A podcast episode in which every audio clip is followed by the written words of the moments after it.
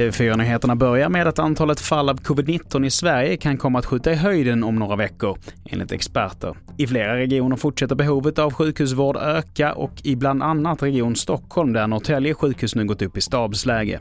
Det är klart att det finns en oro att om det här fortsätter och sen när det kommer, eh, alla kommer tillbaka till jobb och skola och så vidare, att det kan bli ytterligare en ökning av antalet personer med covid-19. Och därför så eh, uppmanar vi alla som inte har tagit sina vaccindoser att man vaccinerar sig nu. Och I inslaget här så hörde du Elda Sparrelid som är chefsläkare i Region Stockholm.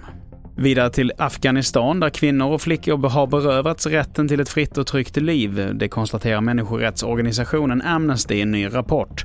Knappt ett år efter att talibanerna tog över makten i landet. I intervjuer har det kommit fram att kvinnor förbjuds från att resa längre sträckor utan manligt sällskap. Rapporten visar också på en enorm ökning av barnäktenskap. När talibanerna intog Kabul i augusti förra året försäkrade de omvärlden om att kvinnor inte skulle diskrimineras under deras deras ledning. Reporter här var TV4s Nadja Norton. Fler nyheter hittar du på tv4.se. Jag heter Mattias Nordgren.